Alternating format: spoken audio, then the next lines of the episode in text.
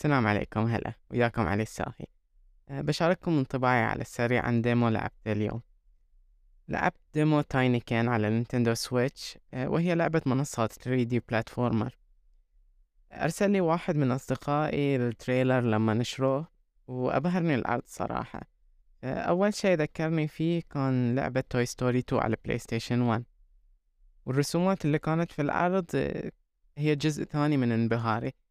لأن كانت المراحل بتصميم 3D كامل والشخصيات كلها 2D كأنها ملصقات ورقية. تذكرني بشخصيات Paper Mario الدمج اللي كان موجود بين ال 3D وال 2D عطاها طابع بصري مختلف وحلو. مثل ما قلت إني لعبت ال demo على Switch لأنه ما كان موجود على PlayStation 5 لكن اللعبة نفسها موجودة على كل الأجهزة. لعبت ساعة وربع تقريبا اللي هو عبارة عن المقدمة للعبة والمرحلة الأولى كاملة. من ناحية اللعب هي ذكرتني بثلاث ألعاب مدموجة بأساليبها داخل ال Tinykin. أول شي Toy Story 2 مثل ما قلت. لكن بعد فيها Banjo-Kazooie و Pikmin هي لعبة 3D platformer تلعب شخصية صغيرة داخل عالم عادي لكنه يظهر عملاق بالنسبة حق حجم الشخصية ومنظورها. فالمراحل عبارة عن غرف وأجزاء من بيت وتسكن فيه مخلوقات صغيرة أغلبها حشرات نمل وخنافس. فبتشوف المراحل الأثاث من البيت موجود لكن المخلوقات بنت حولها مجتمع حقهم. يعني أدراج الطاولة مسوينها غرف طوابق وبيت القطط مسوينه مطعم. ففي اللعب تقفز بين هذه الأماكن وتتنقل بينها وبسبب طبيعتها فيكون في تحدي في طريقة التنقل بينها. وهدفك إنك توصل مناطق مختلفة عشان تحصل غرض معين مطلوب حق تحل لغز. وهذا الشيء اللي يذكرني ببانجو كازوي اللي هو أسلوب جمع الأشياء في المرحلة وحل الألغاز عشان توصل مناطق جديدة. في أشياء وايد تجمعها بعضها مطلوب حق المهمة الرئيسية وبعضها حق المهمات الجانبية وبعضها حق المهمات العامة على مستوى اللعبة ككل. آه، ففي ال demo في أول مرحلة هدفك الرئيسي إنك تشغل سي دي صوتي على مشغل أقراص. لكن تحتاج تحصل زر play لأنه مو موجود على المشغل. وبعدها تشوف إن سلك الطاقة مقطوع فتحتاج طريقة ترجع الكهرباء للجهاز قبل ما تقدر تشغل السي دي. فتلاحظ إن المهمة الأساسية مقسومة حق ثلاثة فرعية وكلها لازم تكملها قبل ما تنهي المرحلة. ومع هاي المهمات في أشياء جانبية. مثلا تصور دمية دب قطني وتعطيها حق واحد من سكان المرحلة عشان يحطها في برواز. أو إنك توصل رسائل حق صندوق في مكتب البريد المصغر الموجود في المرحلة. هذه الأشياء الجانبية تعطيك مكافآت مثل التحف اللي عبارة عن ميداليات ذهبية وفي أول مرحلة في منها ثلاثة تقدر تحصلهم. أو إنها تعطيك حبوب الطلع الذهبية اللي هي حتى منتشرة في كل مكان في المرحلة وتجمعها. في ألف وخمسمية وواحد وتسعين بذرة في أول مرحلة. فالتحف الفنية هاي حق المهمات على مستوى اللعبة بشكل عام لأنك تأخذها حق شخصية في المتحف يجمعها ويعرضها. فما أعرف شنو بيعطيك بعد ما تكمل. والبذور تأخذها حق شخصية ثانية تستخدمها عشان تسوي مشروب.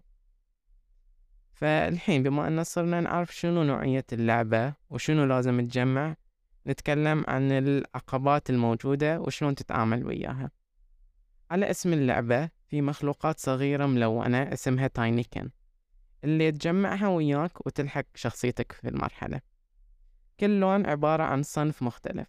ففي التاينيكن الوردي وفي الأحمر. وطريقة هذه المخلوقات مثل لعبة بيكمن كل لون يسوي مهام محددة مثلا الوردي يحرك الأغراض الكبيرة فتشوف أصيص إذا حركته يفتح لك مكان جديد في المرحلة وبدوره مجموعة جديدة من العقبات تجي بعدها. فالمطلوب إنك ترمي عشرة Tinykins ورديين عشان يحركون لك. أما اللون الأحمر فينفجر لما ترميهم على الخشب فعشان تفتح الطريق حق أماكن جديدة ترميهم وتفجرهم. النوع المتفجر ما يرجع لك بعد ما تستخدمهم على عكس الوردي اللي يرجعون لك. وهذا اللي كان في ال demo وأكيد المراحل اللي بعدها في اللعبة الكاملة بيكون فيها ألوان غيرها وكل واحدة أكيد لهم وظائف غير. التحرك والقفز مهم واللعبة تتقن القفز لكن الزر اللي تستخدمه غريب شوي. على ال Switch تستخدم ال A اللي هو دائرة على PlayStation وفي قفز عادي لما تضغط مرة واحدة وفي طريقة ثانية إنك تضغط دائرة مرة والمرة الثانية تظل ضاغط على الزر وتصير موجود في فقاعة تخليك تطير حق ثواني قبل ما تنفجر الفقاعة. وهذه تستخدمها عشان تتخطى القفزات اللي أطول من العادية. فالقفز متقن على حسب آه، نسبة ضغطك حق الزر لكن الغريب هو الزر اللي تستخدمه عشان تقفز. وفي طريقة تنقل ثانية داخل المرحلة.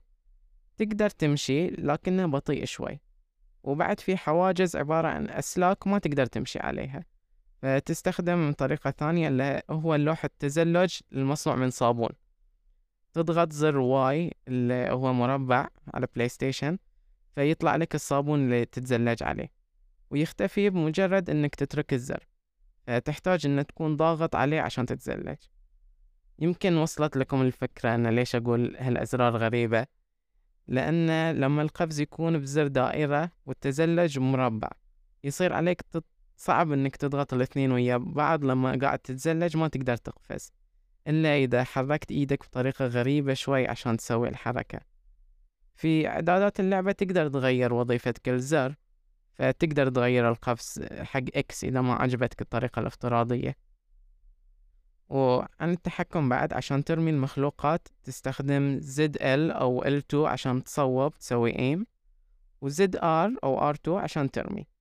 ولما تكون قريب من الهدف اللي تحتاج ترمي عليه اللعبة تسوي لك auto aim auto aim عشان تثبت على الهدف. ما في قتال أو ضرب في اللعبة. على الأقل في ال demo حق المرحلة الأولى ما شفت هالشي. ما كان في أعداء أو زعيم تقاتله وما أعرف إذا يكونون موجودين بعدين أو لا. لكن أتوقع إذا في أعداء فبتستخدم ال Tinykins عشان ترمي عليهم على الأغلب. تركيز نظام اللعب صاير بشكل كامل على تكملة الألغاز والقفز والتنقل ومنها تجمع كل الأشياء. ال demo أقنعني إني ألعبها كاملة لأن استمتعت باللي لعبته ولما بلعبها أعتقد باخذ نسخة PS 5 لأن الرسومات أكيد بتطلع أحلى بدقة أعلى آه، من اللي موجودة في ال Switch. لكن من لعبتها في نسخة Switch كانت جيدة يعني.